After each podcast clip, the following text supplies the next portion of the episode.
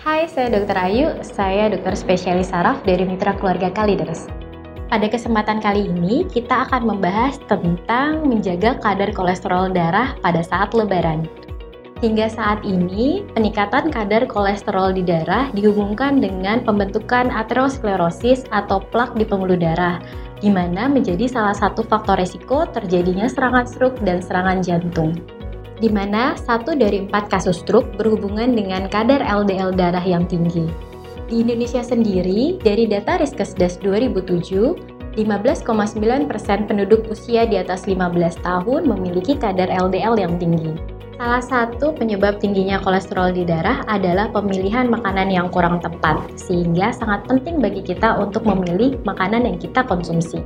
Pada saat lebaran, tentunya banyak sekali pilihan makanan yang disajikan. Yang harus diingat, makanan-makanan tersebut banyak yang mengandung kalori tinggi, garam yang tinggi, gula yang tinggi, serta lemak yang tinggi.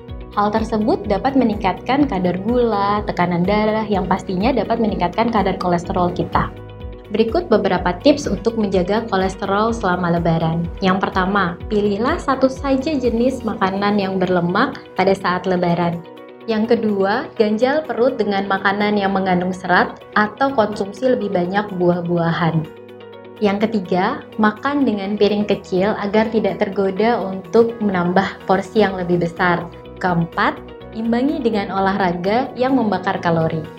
Sekian pembahasan kali ini mengenai menjaga kadar kolesterol darah saat lebaran.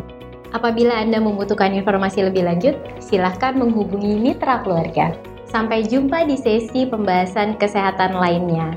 Mitra Keluarga Life, Love, Laughter